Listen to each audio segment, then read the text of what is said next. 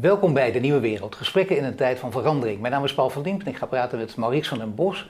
Hij is bestuursvoorzitter van het OLVG, een groot stadsziekenhuis in Amsterdam.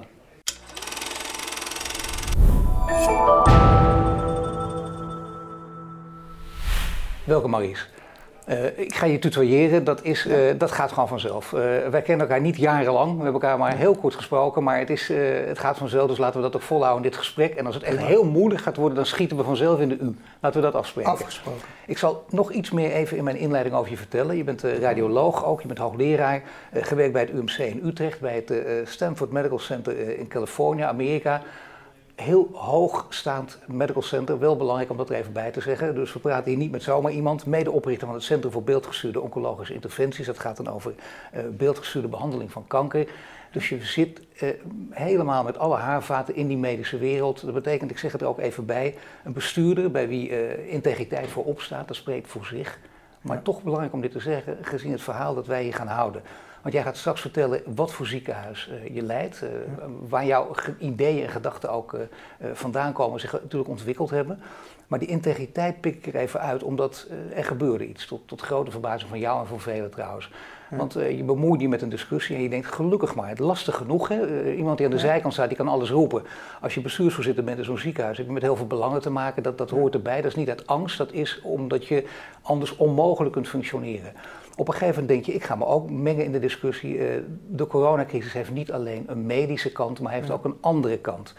En dan word je al heel snel aan alle kanten geframed als je wat dan ook zegt. Maar gelukkig, jij durft het wel te zeggen, je keek naar de neveneffecten. Ik heb een lijstje opgeschreven, ja. uh, uh, bijvoorbeeld uh, kindermishandeling, faillissementen, eenzaamheid, spanning in gezinnen, ja. mentale problemen bij studenten. En je zegt altijd van jezelf ook, ik ben iemand die wil uitdagen, ik wil bevragen. Tegenspraak is cruciaal. Ja. En dat is ook heel belangrijk. Veel CEO's zeggen dat, maken dat helaas niet waar. Ik hoop, jij wel, ik denk het ook. Maar dit is een beetje de achtergrond. Op een gegeven moment plaats jij dus een bericht met dit idee, met deze achtergrond, met deze strekking op LinkedIn. Ja. En wat gebeurt er daarna? Um, nou, wat er gebeurde, uh, kijk, we zitten nu ruim een jaar in de crisis. Ik heb het natuurlijk heel nadrukkelijk van dichtbij meegemaakt met alle mensen in Amsterdam, in OLVG. Ja. Elke dag keihard gewerkt. Ja. Voor de patiënten, de zieke patiënten die binnenkomen, we hebben het echt van heel dichtbij gezien. En dan op een gegeven moment kom je steeds verder in die crisis. En dan uh, is het zo dat je naast uh, puur en alleen de medische kant ook gewoon ziet wat de consequenties zijn, eigenlijk maatschappelijk. Ja. Dus voor jongeren, wat je zegt, voor eenzame ouderen. Uh, maar ook economisch, hè? voor de ondernemer of de caféhouder op de hoek. Ja. Um, en die maak je natuurlijk in zo'n stad ook mee. En daar spreek je ook mee. En um, nou ja, op een gegeven moment verscheen vanuit de Raad van Volksgezondheid en Samenleving verscheen het rapport Corona Moed. Ja. En die beschreven dat bredere perspectief. En ik zag dat heel nadrukkelijk in ons ziekenhuis en in Amsterdam ook terug. Dat we daar ook oog voor moeten houden. Um, en ik plaatste inderdaad, vond ik, een vrij bescheiden bericht op LinkedIn. Uh, gebaseerd op data. In dat geval was het de data van de situatie in Londen in Engeland. Ja. Gecombineerd met dan dat rapport. En ik gaf aan en ik riep eigenlijk op. Jongens, laten we het brede perspectief houden. Ja. En niet alleen de zorgen centraal zetten. Natuurlijk die ook. Ja. Maar toch ook dat bredere perspectief en de moed die er letterlijk voor nodig is om dat ook te, te durven raken. Om heel eerlijk te zijn, ik plaatste dat volgens mij om 7 uur s'avonds. Ik weet niet meer precies, maar na, na, na een werkdag. En vervolgens uh, heb ik nog wel voor het slapen gaan erop gekeken en zag wel dat het wat, wat vaak al gelezen was en, en, en geciteerd was. Maar ik uh, kwam er pas achter dat er iets aan de hand was toen ik wakker werd de dag daarna. Ja, ja, ja dat is even schrikken, ja. Dan ontploft het zoals dat heet en dan ontploft LinkedIn. Ja. Ja. ja, dus ik had heel veel berichtjes op mijn telefoon. Uh, uh, mensen zijn daarmee bezig, ook die mij kennen. Dus de, en in één keer, s ochtends kwam ik er dus achter dat bericht verwijderd was. Um, en ja, dan, jij begon de opening met integriteit. Ja. Uh, dat is natuurlijk wat ik dan als medisch specialist en als wetenschapper uh, ja, met de paplepel toch krijg je dat mee. Dat, dat de betrouwbaarheid van jou als persoon, maar ook de data ja, die je presenteert, maken ook op congressen, maar ook ja. in het ziekenhuis, ook in de samenleving. ja, eh, wat er wel of niet verder komt van het onderzoek dat je doet. Dus een soort van basisprincipe dat dat helder is. Ja. En eh, ja, daar kwamen dus berichten van, het bericht is verwijderd omdat de data niet klopt en het bericht niet klopt. Ja, dat Ja. doet dan echt wel iets met je als Ja. mens, Ja. maar zeker ook als je uit die wetenschappelijke hoek komt. Ja, natuurlijk. natuurlijk. Ja, Nee, zeker. ja. Daarom, dat, heel goed dat jij dat zegt, maar ik dacht dat wil ik ook even in mijn inleiding benadrukken. Want dan betekende dus dat inderdaad eh, de grote big tech, ook nog een apart interview eh, waard natuurlijk, hier hun macht laten gelden, de regie nemen en opeens eh, je, integriteit ermee in twijfel trekken. ja, Het is, ik denk dat veel mensen dat, nou niet veel mag ik niet zeggen, maar er zijn meerdere mensen die dat wel eens meemaken. ja. Maar er zijn er bijvoorbeeld af en toe columns, stukken waarvan je soms denkt, ik kan me er iets bij voorstellen, maar zelfs dan, hè, dan Ja. nog, eh, waarom bepalen zij dat? In jouw geval was het natuurlijk heel bijzonder. ja. Heb je daarna een bericht gekregen? Want het kwam er daarna gewoon weer op volgens mij. Ja. ja, ik werd dus geattendeerd door een collega dat het eh, een bestuursvoorzitter van een zorgverzekeraar die zei: Goh, jouw bericht is verwijderd. Ik had het zelf dus toen nog niet gezien. En ehm, eh, hoe, hoe het dan werkt, tenminste wat mij is verteld, is toch dat, dat zo'n social platform werkt met algoritmes. Ja. Krijgen bepaalde meldingen of bepaalde reacties die ze filteren. En dan op een gegeven moment eh, ja, gaat een bericht eruit. eh, op basis van die algoritmes. En dan herroepen ze de beslissing ook weer op het moment dat er meldingen komen dat dat misschien een foutief besluit was. Ja. Dus er hebben toch ook mensen laten weten aan LinkedIn van joh, hier gebeurt toch iets geks. En hebben ze dat bericht ook weer teruggeplaatst. Overigens ook met berichtgeving naar mij toe van we zetten het bericht weer terug, excuses. Ja, maar niet Dus- waarom, niet met de reden Nee, waarom het verwijderd waarom. is. En Nee, dat, dat zou je tenminste ook verwachten. Dat Ja. blijft, dat blijft daarom zeg ik Ja. al, het blijft bijna een discussie apart. Maar het gaat nu even om de discussie open trekken. Dat, is, dat is heel mooi. Nou, je merkt dus dat het wat doet. De gevoeligheden bij een open deur die zijn wel erg groot ook in deze tijd. Dat wil mensen ook denken, ik durf eigenlijk maar niets meer te zeggen. Laat ik alsjeblieft mijn mond houden.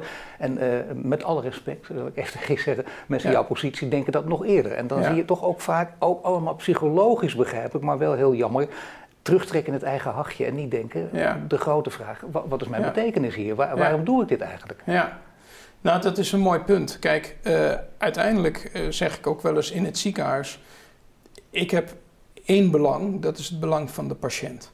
Ja. En daarna natuurlijk ook voor mijn medewerkers en het bedrijf. Ja. Maar bij alle stappen, ook de moeilijke stappen die ik persoonlijk zet, maar ik hoop dat dat ook in de haarvaten van, van OLFG zit, Ja. proberen we dat te doen voor, voor de patiënt. Nou ja, kijk, er werd net even aangeraakt, bijvoorbeeld eh, de studenten die zichzelf eh, eh, een onvoldoende geven voor de tijd die ze nu doormaken. Nou, voor jou ook een punt. Dat hoorde je. Dat het Ja. autorijden. Dat las Ja. ik weer in een ander interview. Dat je, je hoort opeens, een derde van de studenten geeft het eigen leven na één jaar corona een zware onvoldoende. Ja, Dat is extreem. Ja, dat was voor mij het kantelpunt Ja. om hierop te reageren. Ik zat inderdaad eh, letterlijk in de auto op het moment dat ik dat 's ochtends vroeg hoorde. Toen heb ik nog een rondje gemaakt met de telefoon langs enkele eh, vrienden van jongens, wat was jullie Ja. eh, cijfer? Ja. En dat was een 9 of een 10. Ja. Eh, Ja. Nou, op het moment dat dit dan het geval is, we begrijpen natuurlijk dat dat zo is. Maar dan is het wel belangrijk dat we er ook aandacht voor gaan hebben. Waarom? Even weer terug naar die patiënt. Omdat dat welbevinden, het psychisch welbevinden, Ja. het sociaal welbevinden, ook uiteindelijk weer gezondheid bepalen. Nou, datzelfde zat natuurlijk ook in Amsterdam bij jongeren, hoe ze op dit moment onderwijs krijgen. En eigenlijk wat je ziet in die toch eh, verdeling die op sociaal-economische klassen. Ja. Hè, dat met name de mensen in de achterstandswijken gewoon soms niet eens eens over een iPad of internet beschikken. Ja. Dus die verdeling neemt toe naarmate we langer in die crisis blijven. En hoe jij je ontwikkelt en welke kansen jij krijgt op school, bepalen uiteindelijk ook hoe gezond je bent. Ja, dat is iets heel Gek anders dan, genoeg. dan, eh, dat is iets heel anders dan dat je denkt, ach zo'n jaartje, dat Ja. geeft toch niet. Dat soort relativering, Ja, laten we zeggen, da- da- daarmee voed je natuurlijk ook Ja. de tweedeling in de maatschappij. Hè? ja, Zij, de elite in de villa's, ik maak het extreem maar zo, voor het gemak, dat, dat, daar, daar wordt natuurlijk zo naar gekeken. En die kunnen makkelijk, want je merkt er toch niets van, of degene in loondienst hebben toch nergens last van. ja, Dan is altijd wel iemand die nergens last van heeft, maar ook iemand die dat wil. Dus je haalt Ja. het helemaal uit elkaar.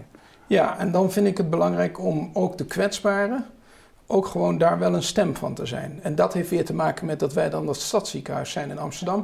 We, hebben- we, zien, we, hebben elke, we staan midden in de stad, dus Ja. we zien het elke dag. Ja. Ik dacht van ja, nu, nu... En toen heb ik ook contact gezocht, overigens ook met Halsema, de burgemeester. Ja. Want die waren ook aan het bewegen richting de jongeren.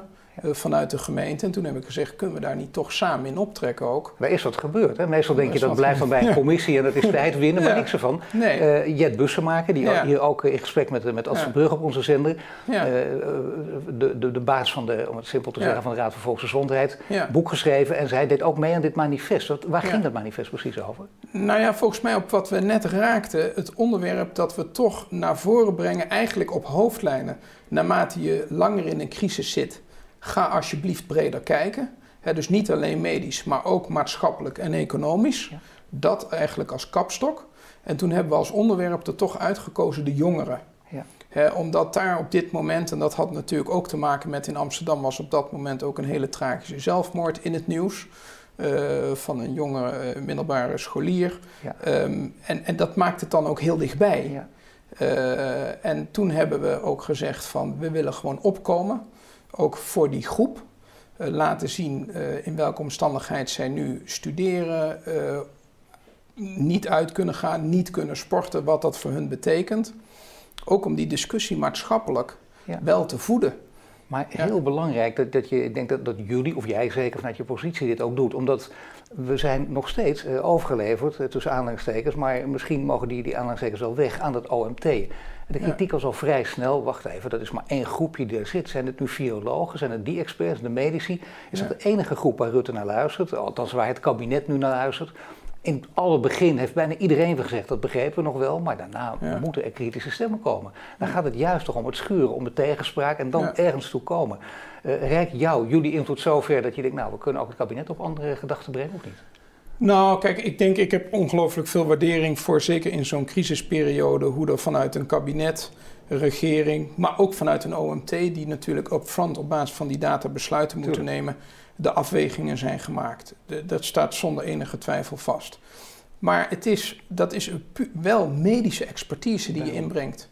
En zeker in het begin kun je niet anders en moet je daar sec op varen. En naarmate je verder komt, en je ziet natuurlijk dat andere groepen in de samenleving ook daartoe oproepen, daar, daar is dit manifest niet, niet, niet uniek in geweest. Er zijn andere groepen die hebben dat ook benoemd. Uh, ook politieke partijen hebben dat naar voren gebracht. En ik denk wel dat er een beweging is ontstaan.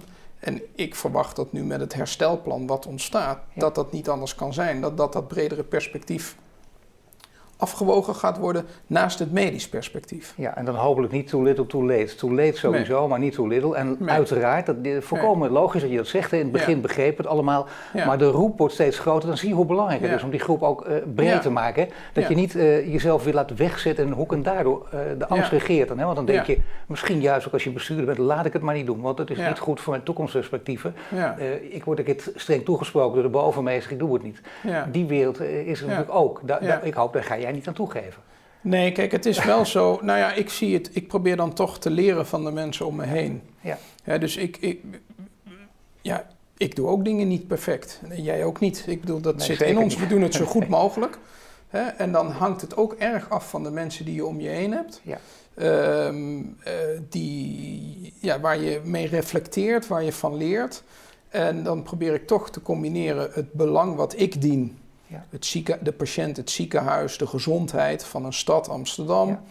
Uh, versus wat er gaande is. Je moet je eigen bijdrage ook niet overschatten. Die is natuurlijk ook maar beperkt. Maar ik denk dan op, die, uh, ja, op dat maatschappelijke gezondheidsthema ja, wil ik toch wel ook gewoon dat bredere perspectief blijven benadrukken. Ja, je zal dat zal ik blijven doen. En de beweging wordt, en je zal het blijven doen, dat is een heel belangrijk. Ja. Je zegt, en de beweging wordt breder, dat denk ik ook. Ik heb een citaatje even, dat kan ik niet aan mijn hoofd, hier ligt het voor me. Het moet ook precies, zoals hij het gezegd heeft. Robert Dijkgraaf, uh, nou, uh, eminent wetenschapper, uh, ook in Amerika, nu op dit moment werkzaam. Ook heel lang volgens mij zelfs voorzitter geweest, nu belangrijk lid van de Copenhagense Academie van Wetenschappen. Hij zegt, de les van corona is, om succesvol grote maatschappelijke problemen aan te pakken, moet de hele klasse voldoende hebben. Het moet voor medische experts een verrassing zijn geweest hoeveel andere kennisdomeinen relevant bleken. Nou, dat is een hele mooie, subtiele omschrijving. Zeggen, natuurlijk, alsjeblieft, OMT verbreed je en laten we met z'n allen dit gaan aanpakken. Ja. Is dat letterlijk voor jou ook, wist, wist, je dit al, niet uit arrogantie, maar wist je dit al in je haarvaat omdat je in zo'n ziekenhuis zat? Of, of werd het voor jou ook, was het voor jou ook nieuw dat juist de, de door bijvoorbeeld Rutte weggehouden sociologen wel degelijk een rol spelen? Ja. De psycholoog. Nou, om heel eerlijk te zijn, uh, nou wist ik het wel eens misschien een beetje te zwaar gezegd. Maar kijk, ik ben gewend dat je complexiteit oplost door ook anderen aan tafel te brengen dan alleen de mensen vanuit je eigen domein.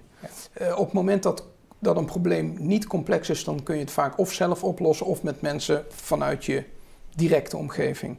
Nou, nou een crisis is bij uitstek heel complex. Ja. Uh, ja, en ik heb toch geleerd, ook vanuit het verleden, om dan de mensen aan tafel te zetten, juist ook met andere meningen, uh, om de gedachten te scherpen. Ja. Dus, dus, dus ik denk wel dat ik er in ieder geval rekening mee hield dat het ook op geen andere wijze echt opgelost kan worden. Maar dit is een geweldige manier van, eh, dat, dat, is, dat is dus waarmaken wat je zegt. Hè? Van je, zegt, je moet elkaar bevragen, het mag af en toe, het moet zelfs schuren. Want dat leidt tot iets, dat moet niet alleen maar blijven schuren, het moet wel tot iets leiden, maar dan kom je dus ergens toe. En dus die tegenmacht. Uh, hoe, hoe, doe je dat? Is dat, is dat? Zijn dat maandelijkse bijeenkomsten? Zijn dat misschien mensen die niet genoemd willen worden, maar, maar hoe, hoe gaat het ja. werk? Nou ja, het is uh, zelfs heel in het kleine in het ziekenhuis gebeurt dat. Hè? Dus in het ziekenhuis hebben we ook, dus misschien ook wel Amsterdam, maar daar hebben we ook gewoon met elkaar afgesproken dat dat eerlijke gesprek op tafel komt.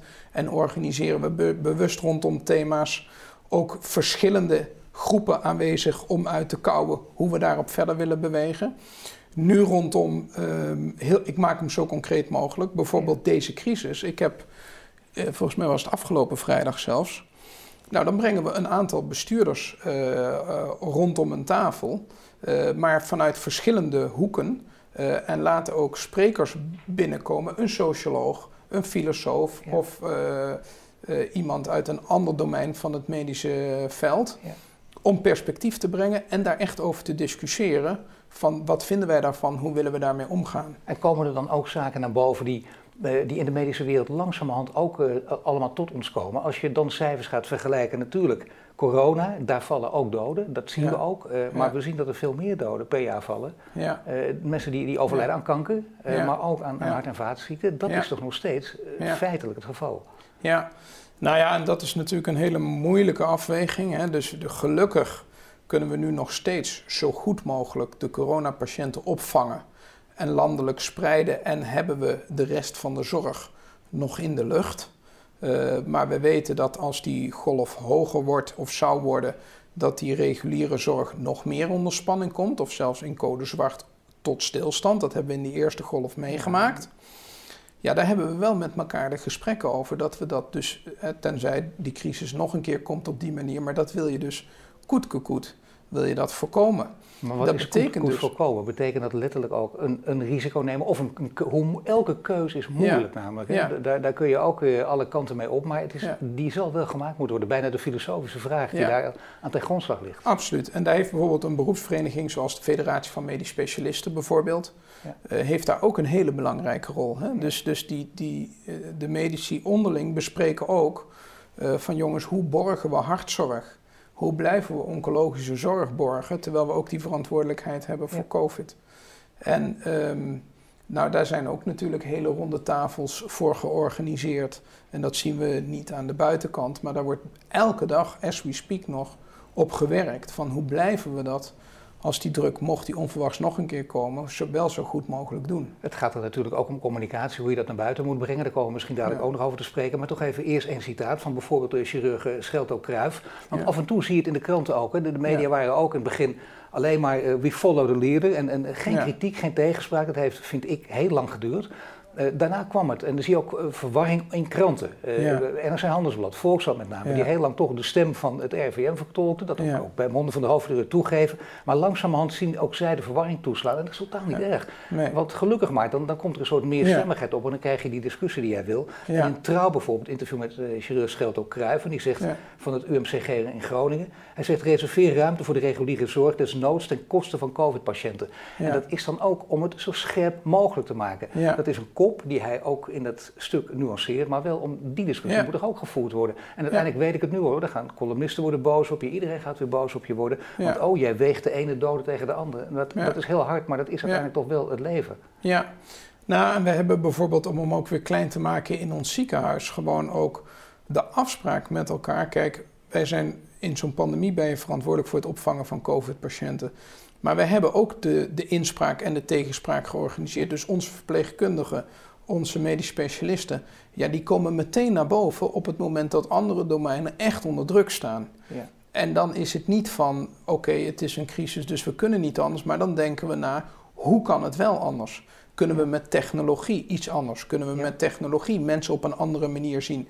Kunnen we slim samenwerken met partners in de regio, zoals bijvoorbeeld zelfstandige behandelklinieken, waardoor de mensen wel bij ons binnen kunnen komen, maar als we de OK-capaciteit niet hebben, dat we ze netjes op een andere plek kunnen brengen. Ja. Wij blijven in de stad verantwoordelijk bijvoorbeeld voor hartchirurgie. Die moet door. Dus daar moet je dan plekken voor blijven reserveren. Uh, kun je dan goed samenwerken met andere ziekenhuizen om je heen door te zeggen: jongens, die verantwoordelijkheid hebben wij. Kunnen jullie dan iets meer COVID-patiënten opvangen? Ik moet zeggen, ook daar weer complexiteit. Zie je dat eigenlijk geen enkel ziekenhuis kan dat dus alleen. En dan is zo'n samenwerking in zo'n regio ook weer super belangrijk. Nog even los van die landelijke samenwerking. Ja. Maar, en, en dat vergt dus. Uh, de, en daarmee zit dat leiderschap ook heel decentraal. Eh, gek genoeg, in zo'n crisis worden heel veel oplossingen ook decentraal gepakt. Maar soms hebben we de regie gemist ook, hè, op sommige momenten, om het dus heel zacht uit te drukken. En dan zie je ook dat er, daar kwamen ook hele groepen uh, volkstammen gingen er bijna overheen. En die dat al eerder wilden, zie je wel, dit is het bewijs, zeker in deze crisistijd, dat, dat de zorg uh, echt heel stevig getransformeerd moet worden. Vind je dat te ver gaan, die totale systeemverandering, of zit daar heel veel in? Um, nou, ik... Um, uh, dit is natuurlijk het thema van waar we nu voor staan. Ik, denk, ik denk dat we een hele toegankelijke en kwalitatief goede zorg hebben. Ook in de top 5, hè, als je kijkt Europees of wereldwijd, dan zitten wij daarin. We hebben wel een hele sterk gesegmenteerde zorg. Ja. Met veel huisartsen, veel ziekenhuizen, ja. regio's, dominante verzekeraars per regio. Ja. Ehm, dat werkt, maar op het moment dat je dus in een crisissituatie moet schalen, bijvoorbeeld veel IC landelijk regelen, bijvoorbeeld vaccineren landelijk regelen, bijvoorbeeld testen landelijk regelen, dan zie je dan dat, dat, dat vinden we dan moeilijk. Ja. Want al die domeinen hebben ook hun eigen nou ja, inspraak ja. en zeggenschap. En, en ik denk dat we wel aankomen op wat we net bespraken, maar bijvoorbeeld ook technologie, het snel kunnen schalen, het kunnen delen van data, kennen wij op die reden ook niet nationaal op dit moment. Nee. Dat zit dus ook decentraal in die kleine brokjes. Ja.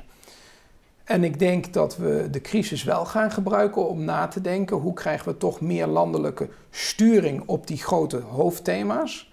Met respect voor die decentrale autonomie bij huisartsen, ziekenhuizen, om wel daar lokaal invulling aan te geven. Ja, dat zou de eh, bijna ideale situatie zijn, die heel moeilijk is, want er komt nog veel meer bij kijken. Er moet de digitalisering op orde zijn, geen lekken, ook aan de orde van de dag natuurlijk een heel, echt een heel groot vraagstuk. Uh, als dit niet lukt, of als dit wel lukt, dan moet er nog een ander scenario ook liggen, dat ik zeg bijna de filosofische vraag. Zijn jullie daar ook aan toe? Wordt er ook al achter de schermen over gesproken? Want dat is een hele gevaarlijke, want voor je het weet krijg je daar ook iedereen, maar het leven is soms ook gevaarlijk en moet er ook uh, stelling genomen worden gaat dus af en toe kiezen tussen uh, de een of de ander. En die ligt er. Dus daar zal ik heel concreet over worden. En dat gaat zowel vanuit de FMS als de Nederlandse Vereniging van uh, Intensivisten, de NVIC.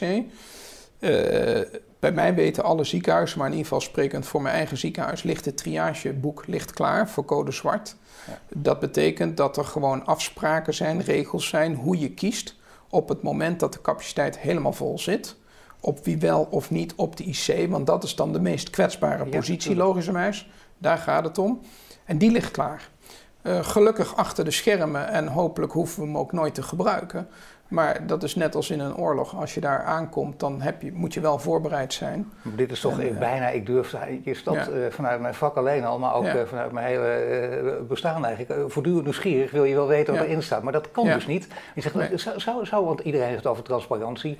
Wat natuurlijk flauwekul is, je kan niet alles nee. openbaar maken, dat is onmogelijk. Maar dit zou wel heel interessant zijn om te weten wat hier, wat hier een van de scenario's is. Ja, heel ik, concreet dus. Ja, ik denk dat de NVIC daar ook wel richting VWS en richting het kabinet echt één op één transparant over is. Ja. En de vraag is even of dat nog transparanter zou kunnen. Ik bedoel transparant naar buiten. Ja, ja zeker, begrijp ik. Ja, ja, ja. ja. Want het heet nu officieel het, triage, het triageboek Code Zwart. Dat is omschrijving. Ja. En dat wordt ook gedeeld met de Kamer en met het kabinet. Ja. Daar zijn ook vragen over. Heel concreet was op een gegeven moment die leeftijdsdiscussie bijvoorbeeld. Bijvoorbeeld, ja. Hè. En eh, ja, bij mij weten is dat eh, ook netjes naar de Kamer toegebracht. Maar dat, nogmaals, dat gaat echt via de NVIC. Daar zijn wel discussies over gevoerd natuurlijk. Ja. En mensen die meteen ook, die, die zich van geen kwaad bewust waren, die net als jij ze rondstokken, die ook daar Ja. zeiden, nou misschien zou ik op mijn leeftijd wel mijn plek afstaan. Of misschien is het Ja. wel goed om, om ouderen apart te zetten. En die werden meteen in de hoek, in een, in een kamp geduwd waar ze niet in thuis wilden horen. Nee, nee. En dat is, wel- dat is wel link natuurlijk Ja. Dat je ook Ja. daar wil je toch schuren en iedereen bevragen. Ja, Maar dan zeg je, dat kun je nu nog, dat moet je vooral nu intern doen. ja. Op een gegeven moment zullen we het ook openbaar moeten maken. Ja, nou kijk, ik denk dat het belangrijkste is dat, dat eh, het gebeurt wel vaker, hè, ook in een ziekenhuis, dat je een beslissing neemt vanuit het medische perspectief op hoe je handelt in het leven van een patiënt en de familie. Ja. En dat gaat in overleg. En dat is in een crisissituatie minder makkelijk, logischerwijs. Maar er worden hele, eigenlijk dagelijks worden er afwegingen gemaakt. Dat wou ik zeggen, wij denken dat het gebeurt. Het is Ja. aan de lopende dag. Ja. Ik bedoel, de lopende Ja. band. Ik, ik spreek ook eh, regelmatig wel artsen dan eh, off the record die geen zin hebben om het voortdurend te vertellen. Wat ik ook Nee. weer begrijp, wel jammer vind.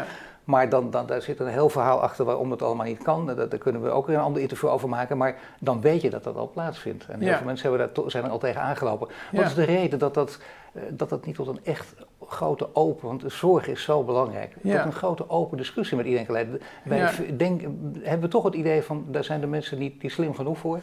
Weet ik niet. Ik, ik moet zeggen, ik, ik ben zelf dus niet actief betrokken geweest bij het opstellen van eh, Nee. de triagerichtlijnen. Ehm ja, voor zover ik weet is dat dus echt in goede afstemming met kabinet en Kamer dat dat gebeurt. Ehm, en, en volgens mij is het ook openbaar welke criteria gekozen zijn. Ehm, maar ja, ze, die, die criteria worden wel heel nadrukkelijk vanuit de medische beroepsgroep gevoed. Eh, ja, omdat dan, dan kom je wel echt op het terrein van het vak van de medisch specialist. Ja, dat is toch heel lastig. Ja. Dat komt, want, Ja. dat- want, ook de, want hier, Ja. dat hadden we net ook over, dat kan de medisch specialist bijna niet doen, omdat je hier toch ook die brede blik nodig hebt. Ja, ja en daar, daar kijken natuurlijk ook andere mensen mee natuurlijk. Hè. Dus er is een hele commissie van ethici bijvoorbeeld. Daar heb je het Eh, al. Ja. eh, sociologen kijken mee, Ja. eh, psychologen kijken mee. Dus er is wel een hele grote groep die zich hiermee Ja.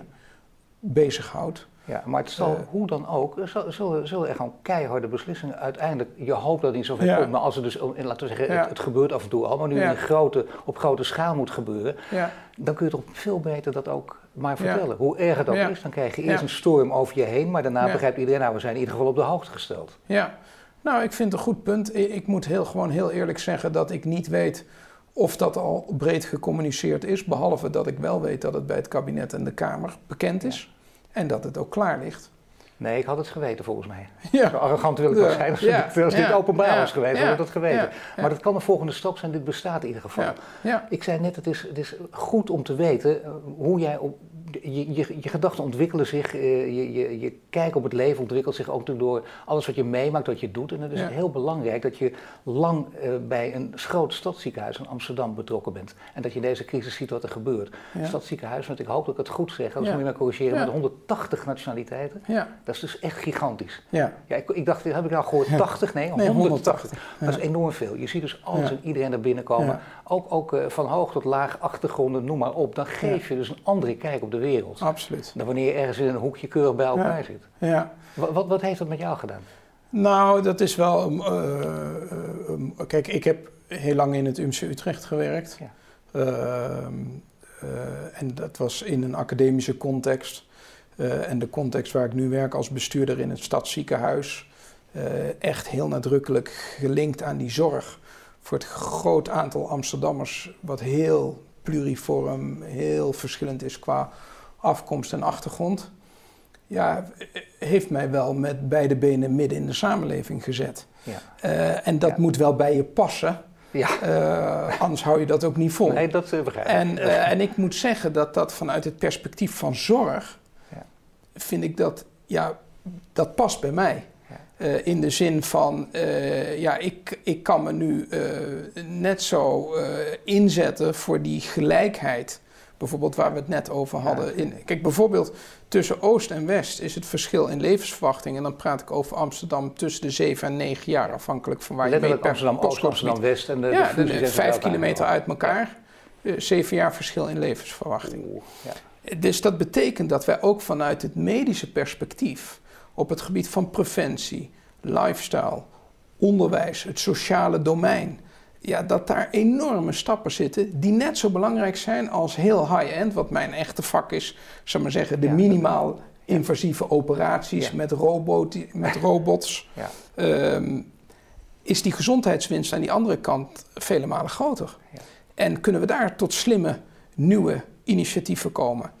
Nou, dat vind ik buitengewoon boeiend. Dus dat is mooi met Amsterdam dat is, heel interessant, dat is heel interessant, want je bent natuurlijk wel begonnen inderdaad. En dat, dat, is belangrijk. Je begon niet voor niets met hoofdletters integriteit. Dat hoort op alle terreinen. Maar daar ben je mee, mee groot geworden natuurlijk, ook wetenschappelijk. En dan zit je ook meteen in de wetenschappelijke wereld... waarin je uh, ja, geprezen en geloofd wordt door uh, prijzen uit het circuit. elkaar prijzen geven, dat kennen we in alle werelden natuurlijk, maar het speelt een grote rol. Uh, publiceren in de juiste blaad en dan kom je verder. Maatschappelijke activiteiten spelen daar een ondergeschikte rol. Is daar ook nog een wereld te winnen? Ja, nou, dat is wel mooi dat je dat zegt, want uh, moet ik toch iemand credits geven uit UMC Utrecht. Want daar zat Frank Miedema toen de tijd als decaan. En die heeft met enkele mensen Science in Transition eigenlijk uh, echt in Nederland en wereldwijd op de kaart gezet. En ik herinner me nog dat we een keer aan een tafel zaten en dat hij zei, hij noemde dat bonen tellen. Hij zei, en dan denken we weer hoeveel proefschriften hebben we, hoeveel publicaties hebben we, hoeveel prijzen hebben we. Nee, dat is, uh, maar hij zei, kent de bakker op de hoek jouw verhaal ook? En, en hij, hij was een van de eerste die in ieder geval naar mij toe dat, pers, dat maatschappelijke perspectief ook zei van dat is net zo belangrijk. Ja. Dat moeten we goed doen. Die vertaalslag moeten we goed maken. Ja. En ook in de, in, in, in de wetenschap zie je nu wel die beweging komen. Maar ik vind die in de zorg is die veel intensiever en veel directer op dit moment. Maar toch heel interessant dat je dat bij het OVG, uh, eh, wat ja. Frank Miedema toen zei, bewaarheid hebt zien worden. Hè? Dat, dat, is alles wat hij zei, klopt daar ook. Maar wat kun je daar vervolgens aan doen? Want dan ga je toch iets anders, misschien ook wel in je vak staan. Misschien iets anders over wetenschap nadenken. Ja. Ja, nee, je gaat. Uh, nou ja, kijk, ik denk. En dan, dan is het weer heel erg afhankelijk van waar je werkt en in welk ziekenhuis je werkt. Maar zeker in zo'n grote stad denk ik dat de uitdaging voor de aankomende jaren met name in dat sociale domein, op het domein van preventie, zal liggen. Gezonder houden van mensen. En het is natuurlijk hartstikke mooi als je daar vanuit een ziekenhuis eh, een bijdrage aan kan leveren richting GGD, richting huisartsen, richting gemeente. En dat is een nieuwe rol die je dus kunt ja, nemen, Maar hier ontwikkelen. Ook de psychologen, de sociologen, de hele rits, je hebt ze allemaal nodig.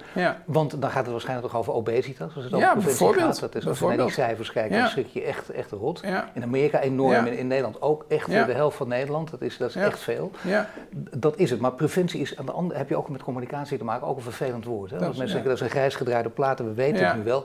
Wat, wat, wat, wat, moeten we daarbij voorstellen bij in het OVG? Wat, wat mensen die daar werkzaam zijn, wat moeten die met die boodschap? Nou, bijvoorbeeld, uh, ook weer om klein te maken. Wij hebben uh, bijvoorbeeld in West, uh, je had het net over 180 nationaliteiten, dus er zijn een aantal mensen met een niet-westerse achtergrond. Ja. diabetes komt relatief veel voor, ja. overgewicht ook. en hebben met name op de locatie West, kregen we op een gegeven moment in de smiezen dat ook de medicatie die we voorschrijven, niet goed opgevolgd wordt. En daarmee dus de mensen minder goed afgesteld staan voor hun ziekte. En het dus ook minder goed doen ja. dan andere groepen in, van, uh, van diabetespatiënten. Nou, wij maar zeggen goed doen, goed gebruiken. En, totdat een van onze internisten erachter kwam dat vele, veel patiënten en families eigenlijk niet eens eens goed weten A, hoe ze de medicijnen moeten gebruiken en waarom dat die medicijnen belangrijk zijn. Of zelfs in de families niet willen delen dat ze de medicijnen gebruiken. En toen zijn we letterlijk, niet ik, maar dan uh, specialisten bij mij uit het ziekenhuis, uh, zijn naar de moskeeën gegaan om samen met de imam te bespreken waarom het belangrijk is om die medicatie te nemen. Mag ik je even onderbreken? Maar dat, dat is een heel interessante, want dat, is, dat, dat is zo goed, denk ik. Omdat dat deed iedereen dat maar, want dat is, het, dat, dat is gewoon de praktijk. Hand- en voetigheid, dat weet, dan weet je ook, eh, dat dit heeft met uitvoering te maken. Je snapt dat, waar het vaak aan schort. Alleen in dit geval denk ik ook meteen, maar kan dat dan met de imam? Mag dat dan ook een vrouw zijn die dat bijvoorbeeld doet? Of is daar een discussie over? Oh, dit was een vrouw. Kijk, de, dus, had dus, geen moeite mee? Nou, in ieder geval, nou, ik, ik ben dus niet bij dat gesprek geweest. Ik weet alleen wel dat we toen hebben besproken, dat gaan we doen. Ja. Uh, ja, dat was, was een team, maar dat was de, de, de leidend diabetoloog was een, was een mevrouw. Ja. Uh, en die gesprekken zijn er geweest. Ja. En, uh, maar daar kun je dus ook mee te maken krijgen. Dat zijn ook, ook cultuurverschillen, hele grote zelfs. Dan denk je, wat gaan we dan doen? Luister even, we gaan, uh, deze mevrouw heeft hier de leiding, of is degene die hierover gaat, die gaat er hoe dan ook naartoe? Of denken we passen ons aan aan de imam die bijvoorbeeld denkt, want die imams heb je ook, dat nou, allemaal, die denkt, nou liever geen vrouw. Maar dat is ook weer een goed punt. Kijk, ja, wij proberen toch elke keer zo goed mogelijk de ander te begrijpen. Uh, en dat is lang niet altijd even makkelijk. Eh, we hebben bijvoorbeeld recent in de coronacrisis hebben we te maken gehad natuurlijk met levenseinde, wat sneller dichterbij komt. een onderwerp. Wat voor ons als Westerlingen makkelijk op tafel te leggen is. Om samen te praten over hoe vinden wij nu dat het gaat en is het niet, zijn we niet bij het einde aangekomen. Uh, mensen met een niet-westerse komaf kunnen daar anders over denken, laat ik het zo zeggen. En, en, en, zijn soms ook echt letterlijk bereid om tot, of, of, of, zelfs misschien zelfs verplicht om tot het einde toe te knokken. Ja. Uh, en, en dan komen dus verschillende culturen, gaan anders om met levenseinde. Ja. Nou, dan denk ik dat je als stadsziekenhuis moet, maar ik vind het ook gewoon als mens, toch moet proberen om niet jouw wil op te leggen aan hoe het dan op die manier moet. Maar dan heb je ook weer dialogen nodig van waarom is het dan in een andere cultuur of context zo? En kunnen we daar iets mee? Kunnen we daar iets voor organiseren? Kunnen we op een andere manier communiceren? Ja, maar dit heb, heb je natuurlijk mee. Je, je weet het je, van oudsher, het katholiek ziekenhuis. Uh, waar ook uh, in, in een tijd natuurlijk in, hebben alle katholieke ziekenhuizen uh, de, nonnen genomineerd. En het, het, katholieke denken ook, het, het, laten we zeggen, het orthodoxe denken ook. En dat is hiermee vergelijkbaar. Ik zeggen, daar hebben we misschien wel van geleerd in die situatie. En uiteindelijk, wat is dan belangrijker? Wie beslist? Wie zegt dat? En je kunt natuurlijk moeilijk eindeloos begrip blijven houden. Ja. Je moet zeggen, luister even, we leven nu in deze maatschappij. Ja keihard, je moet je nu aanpassen. Maar dat is een mooie, hè? dat kun je inderdaad ja. aan een politieke tafel zo roepen, stuur dat je durft te zeggen, maar je merkt in de praktijk dat het gewoon niet werkt. Exact. En, en, dan, even, we begonnen net over tafels en dialogen. Dus wat wij nu proberen te doen met onze geestelijke verzorging, waar ook iemand zit vanuit de cultuur waar we nu over spreken, uh, samen met de uh, vertegenwoordiging van groepen uit, in dit geval dan uh, Amsterdam, uh, onze specialisten en dan maar eens met elkaar ook echt even in gesprek. Ja. Hoe, hoe, zijn die perspectieven? Kunnen we wel tot afspraken komen? Eh, kunnen we ze op een andere manier helpen, niet in het ziekenhuis, maar buiten het ziekenhuis? Uh, en, maar uh, toch, het is, ik, ik, weet zeker, sommige mensen die het zien, die denken, oh, dat is allemaal te zalvend. Ik dacht dat vroeger ook, nu snap ik, dat is vaak de praktijk. Dat is het, de nuance van de praktijk, kijk daar steeds naar. En dat geldt ook voor, denk ik, de arts die tegen je zegt, als het over obesitas gaat, ja. een gewoon gesprek over klein maken gesproken. Die kan bijvoorbeeld zeggen, uh, meneer, u bent uh, eh, 15 kilo te dik, uh, we kunnen er heel lang of kort over praten, u moet gaan afvallen. Dat moet je niet doen. Nee. Soms helpt het wel, hè, dat weten we. Soms, sommige mensen hebben dat juist wel nodig. Dat, dat, is, dat is wel een belangrijke. Is, is dat niet te doen in de praktijk, want je hebt daar wel tijd voor nodig. Je moet dan wel echt al, al je ja, uh, heel, je, heel je geest open kunnen zetten om dat te begrijpen. Nee, maar, te kunnen helemaal, en het is super moeilijk. Hè? Dus het is precies goed dat je dat ook aanstipt. Kijk, onze mensen werken ook onder hoge druk, onder hoge spanning. En moeten ook alles opschrijven? Moeten dan alles, eh, absoluut. Ja. Uh, hebben ook lang niet altijd met makkelijke situaties te maken, omdat andere mensen zijn vaak verdrietig of gespannen of boos. Uh, maar onze mensen zijn moe. Nee, nou ja, doe het dan maar eens op de goede manier. Dus daarom is het, ik zeg wel eens, strike the iron when it's cold. Dus, op het dus daarom moet je dus met elkaar in gesprek op het moment dat die situatie er niet is. Maar toch, alles wat je zegt heeft te maken met, met, tijd en aandacht voor iemand kunnen hebben. Dat is belangrijk. En daar ontbreekt natuurlijk in de ziekenhuizen aan de roep. Altijd, natuurlijk, dat snap ik ook. Laten we zeggen, voor iedereen in zijn werk is het altijd, en dat weet je ook, ze mopperen, die hebben heel veel positieve verhalen waar ze mopperen altijd over. Die enorme druk, en dat begrijp ik ook, die administratieve druk. En maar opschrijven, alles, alles, alles. En dat snap ik ook, maar het is vaak om je in te dekken, want stel dat er iets gaat gebeuren en dan maak je ja, het onmogelijk om, om je werk goed te kunnen, kunnen verrichten. Is daar iets aan te doen? Ja, daar wordt al wel een hele hoop aan gedaan. Dus uh, nee, maar, de, de, dus maar zeggen, de, de, de, bureaucraat, de bureaucratische lastenverlichting, meer autonomie voor de professionals. Ja. Uh, er zijn hele ja, programma's, in ieder geval in ons ziekenhuis, maar ook daarbuiten. Van kunnen we die registratielast verminderen? Ja. Kunnen we het slimmer doen?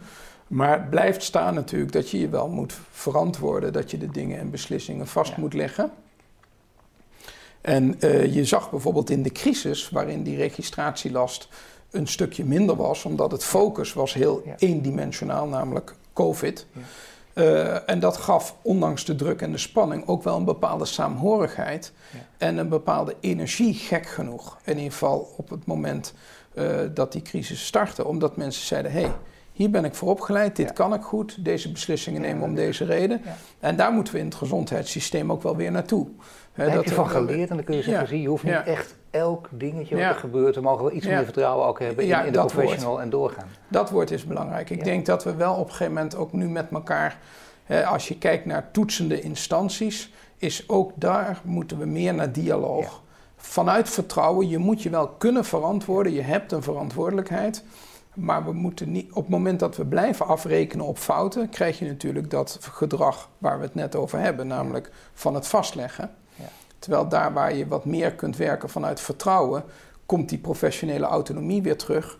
Kun je meer werkdruk aan, heb je meer plezier in je werk. En we hebben natuurlijk als grootste taak de aankomende jaren om ons personeel gezond en vitaal te houden. Ja, want die zeggen, hebben dadelijk een tropie klinkt al heel mooi, de patiënt centraal, of zeg maar op scholen de ja. leerling centraal. Ja, maar dat kan pas als de docent of de, Absoluut. in dit geval, uh, laten we zeggen, de arts het werk goed kan doen, de verpleegkundige het werk goed kan doen. Ja, dus ik zeg wel zorgen voor mensen die zorgen voor mensen. Ja dus, dus de grootste zorg die ik nu heb, uh, en bij ik met mijn collega's, is die mensen die nu dat topjaar, dat tropenjaar achter de rug hebben, ja, die moeten, net zolang als je in een crisis zit, moet je je er ook weer uitwerken. Dat weten we bijvoorbeeld van het slootvaartfaillissement. Dus, dus je moet je mensen echt op een bepaalde manier vitaal uh, houden. Dat is natuurlijk extreem ingewikkeld. Maar die professionele autonomie is daarin dan ook heel belangrijk. Je merkt, we hebben hier gelukkig de tijd. We kunnen even praten. We hebben wat tijd voor context. Ik, ik, uh, ja, hier, hier moeten we nu een eind aan maken. Omdat we kunnen drie uur praten. Nee, wat ik het liefst trouwens wel zou willen. Want ik heb nog heel veel dingen. Maar ik wil twee dingen nog uitpikken. Namelijk één ding. Je zegt, kijk, uh, ironisch gezien, die samenhorigheid. Die kwam wel op onder de mensen zelf. Dat snap ik ook. Maar het is iets anders wat ook meespeelt. Namelijk de roep om samen met elkaar dingen te doen. Dus in elkaars keuken te durven kijken, met elkaar samen. En dat is allemaal mooi, allemaal theoretisch. Het gebeurt niet, maar bij jou gebeurt het wel. Ik heb het hier, eh, je bent voorzitter van Santion, zeven topklinische ziekenhuizen die open samenwerken om de zorg te verbeteren. Ja. Dat klinkt fantastisch, maar het gebeurt al. Er wordt in elkaars keuken. Dat lijkt klein, misschien voor mensen die nu kijken ook, ja, dat is logisch, dat is het niet. Want in elke beroepsgroep is dat heel moeilijk en heel ingewikkeld, maar het gebeurt toch. Waarom is het zo'n belangrijke doorbraak? Nou ja, kijk, je ziet gewoon dat toch uh, professionals maken het verschil. En daar bedoel ik ook dus de verpleegkundigen mee. Hè? Dus, dus, en uh, hoe kun je verbeteren? Door van elkaar te leren en te kijken ook hoe uh, een best practice elders niet bij jou uitgevonden hoeft te worden, maar die kopieer je. Ja. En heb je dan toch een bepaalde veiligheid om bij elkaar dan ook echt letterlijk in die keuken te kijken. Dus wij zijn heel actief vanuit die zeven Santion ziekenhuizen, ook verpleegkundigen en professionals naar elkaar toe aan het brengen. Dus die zitten letterlijk in dat andere ziekenhuis met de andere mensen aan tafel of in de operatiekamer. En proberen op die manier nieuwe technieken te leren. Wat we ook doen is de uitkomsten delen. Dus het kan zijn dat een ziekenhuis, bijvoorbeeld Martini ziekenhuis in Groningen, iets beter doet dan dat wij dat doen in of in Amsterdam. En nemen we meteen over. en, en, dat is, en, en, en dat samen leren in die complexe omgeving is natuurlijk super belangrijk. Ja, maar ja, goed, dan moet iedereen dit blijven. Wil iedereen en doet dit ook. Dus niet terugtrekken en dan nee. handje ervoor, je mag niet weten waar we mee bezig zijn. Nee, en dat, daar heb je dan weer veiligheid voor nodig. En dat is bij ons wel een proces geweest even dan ook goed om te noemen, van tien jaar werk. Oh, toch wel. dus Nee, er zit, dus bestaat begrijp tien jaar en dat is natuurlijk geleidelijk aan nee. echt opgebouwd. Goed zo. Nee, dan, dan, eh, dan ja, komt het niet van de een op de ik, andere eh, dag nee, ontstaan. Komt een beetje Ja. overeen met wat ik door in mijn hoofd. Nee, dat begrijp Ja. ik. Dat, nou, dat is een slag die gemaakt is. De laatste, daar kunnen we ook eh, tien uitzendingen aan besteden. Dat doen we hier eh, bij ons aan tafel ook vaak over vaccinatie. Je moet alles kunnen bespreken. Dus aan de ene kant de mensen zeggen fantastisch en dat is de manier om uit te komen. Aan de andere kant, zeg dan ook eerlijk. Ik las een eh, interview met een hoogleraar vaccinatiecommunicatie. Die zegt mensen zijn niet gek, die weten dat is een hele erge boodschap. Maar geef gewoon aan dat, eh, ja, dat staat op, op bijsluiters in normale gevallen ook, dat er ook dingen mis kunnen gaan en dat er ook mensen inderdaad aan overlijden. Dat, is, Ja. dat hoort ook bij, dat is heel erg, dat vinden we niet fijn. Maar doe niet net of er niets aan de hand is. En dat schimmenspel rond, eh, Ja. nou, dat verschrikkelijke medicijn wil ik eigenlijk niet eens wel uitspreken. Ik Ja. zou bijna zeggen, nee, maar wat dan toch weer goed blijkt te zijn, wel, niet, wel, niet. Dat Ja. brengt mensen in de war. Waar komt het vandaan? Kun je, kun je op dit gebied, eh, ik snap dat het verwarring schept, dat het moeilijk is, waarom Ja. kun je niet ook gewoon duidelijk zijn en mensen serieus nemen? Nou ja, kijk. Ik denk dat vaccineren op dit moment het allerbelangrijkste is wat we moeten doen. Eh, maar iedereen, hè? dus niet alleen iedereen. bepaalde groepen, iedereen. Iedereen. En waarom? Nou, kijk, je ziet gewoon dat tegen het virus het enige dat beschermt naast maatregelen is, is, is gevaccineerd zijn. Je ziet bijvoorbeeld heel concreet in de verpleeghuizen, nu de cijfers tonen aan nagenoeg geen enkele besmetting. Ja. En dat waren echt de haarden Ja. in het begin van de crisis, zowel voor de patiënten als voor de medewerkers. Ja. Dus het effect daarvan is ongekend. Dus we moeten zo snel mogelijk ook een tipping point hebben dat we ja, het merendeel van de mensen in Nederland gevaccineerd hebben. Pas dan is de druk echt van de ziekenhuizen af. Nou is natuurlijk het moeilijke, om even de naam van het medicijn niet te noemen, dat sommige medicijnen zitten ook eigenlijk nog in fase 3. Ja. Dus zitten eigenlijk nog in een onderzoeksfase. Daarom. Terwijl ze wel heel groot worden uitgerold. En dan zit je ook weer aan veiligheidscriteria vast. En dat betekent dat als er dan een bepaalde bijwerking echt vaak gerapporteerd wordt, ja, dan moet je daar naar kijken. Dan is het natuurlijk wel aan de landen zelf om te zeggen: ik stop wel of ik stop niet. Nou, Hele dat serieuze er- landen zijn ermee gestopt. Ja, dat zijn precies. geen, geen eh, Daarom. Dus dat is dan een Europees Ja. besluit geweest. Ja. En gelukkig wordt het nu weer zo snel mogelijk opgepakt. En ja, ik hoop dat het nu eh, rap geschaald voorwaarts gaat. En dat we Ja. inderdaad, zoals nu vanuit VWS wordt gezegd, vanaf 1 juli het merendeel van ons gevaccineerd Ik is. moet toch even feliciteren. Kijk, dat, eh, de experts van het Europese Geneesmiddelenbureau die zeggen ook eh, letterlijk, de burgers hebben er recht op om te weten of er inderdaad een kausaal verband is tussen het vaccin en de gemelde bijwerkingen. En dan zegt de hoogleraar, dat is mevrouw Hedwig de Molder, die zegt, eh, je kunt zeggen, luister, deze bijwerkingen zijn heel zeldzaam. Dat gegeven wegen we af tegenover de eh, covid-doden en de vele ziekenhuisopnamen. Dus ja, er zullen wellicht doden vallen door het vaccin, maar dat weegt op tegen de voordelen, dus we gaan ermee door. En je kunt je voorstellen, zegt ze, dat het heel gevoelig ligt, zeker als een minister die boodschap moet brengen, maar alsjeblieft doe het op die manier. Ja. Is, is dat de manier of vind je dat toch net een stapje te ver gaan? Eh, ja, dat is natuurlijk een hele. Ik, ik ben niet in de positie om daar dus Nee. eh, ultimo over te Nee. oordelen. Maar Dat wel, is laat ik het nee, anders maar- aan je vragen, ja. wel de discussie vanuit het idee Ja. van bevragen. Moet je hier Ja. ook, want je kunt zeggen, we het hier maar niet over. We hebben heel lang hier ook met de redactie zelf over gehad. Moeten we daar, eh, als Verbrugge heeft een paar interviews gemaakt, ook dan zullen mensen weer gaan roepen, moet je het erover hebben? Ja, denk ik, dat is ook een discussie. Dan laat je voor- en tegenstanders uiteindelijk aan het woord. Wat wil je? ja, ja. Dat is toch bevragen en ook de tegenstemmen. Absoluut. En dan heb je ook nog dat je zou kunnen kiezen. Kijk, in welke. Eh, eh, kijk, we hebben bijvoorbeeld zijn begonnen met het vaccineren van oude mensen. Ja. Eh, nou, trombose komt vaak voor naarmate je ouder wordt. Heeft dit niet te maken met het feit dat je nou typisch in die groep ook gestart bent? Ja. En hoe zou dat zijn als je bij jongeren dan alvast doorgaat? Dus je kunt daar allerlei gedifferentieerde besluiten in nemen. Het is natuurlijk buitengewoon moeilijk voor, voor, voor VWS of, of, of het ministerie om daar dan upfront de juiste keuzes in te Ja. maken als je in zo'n crisis zit. Eh, maar je ziet wel, dat vond ik een helder verhaal van Marcel Levy uit, eh, uit de situatie zoals die is geschetst vanuit de, eh, de UK. Daar is heel nadrukkelijk gezegd, nee, voor ons weegt het belang, eh, namelijk de bescherming tegen COVID en de druk eh, die we verlichten daarmee op de ziekenhuizen, zwaarder dan de enkelen eh, trombosegevallen die we nog nader Ja. moeten bestuderen. maar en zij hebben gekozen nee, voor dus ja, het nee, uitzoeken, terwijl toch het vaccineren doorging. Maar ik vond het wel een interessante discussie. Daar, daarmee geeft hij ook aan, Marcel Leef voor duidelijkheid, de ziekenhuisdirecteur eerst in Amsterdam, nu in. Londen. Dat die ook, en die zich ook continu discussie mengt en die ook zegt, eh, kijk, eh, di- hiermee neem je dus wel een risico. Ja, En op andere gebieden doen we dat veel minder. Nee, alles moet dicht blijven. Dat kan niet, want dat, dat, dat staat haaks op elkaar. Dat vinden mensen raar. ja, ja. Ja, nou, ja dat klopt. Daar kunnen wij nog een keer een uur over praten. Ja, zo is het. Nou, laten we dat, laten we dat misschien een keer ja. doen. Ik, Ja. ik, ik hoop dat je een keer terugkomt, want ik, ik heb nog duizenden vragen. Ik ben heel blij dat je, kijk, en ik hoop dat mensen die, die dit zien, daarom zeg ik er maar nadrukkelijk bij, dat jij altijd vanuit een bepaalde rol niet anders kan, dan vanuit die rol moet praten. En dat het enorm, eh, enorm Ja. veel is wat je zegt vanuit die rol. En daar ben ik Mooi. heel blij mee. Nou, dankjewel. Dankjewel voor de uitnodiging. Dank je. Dank je.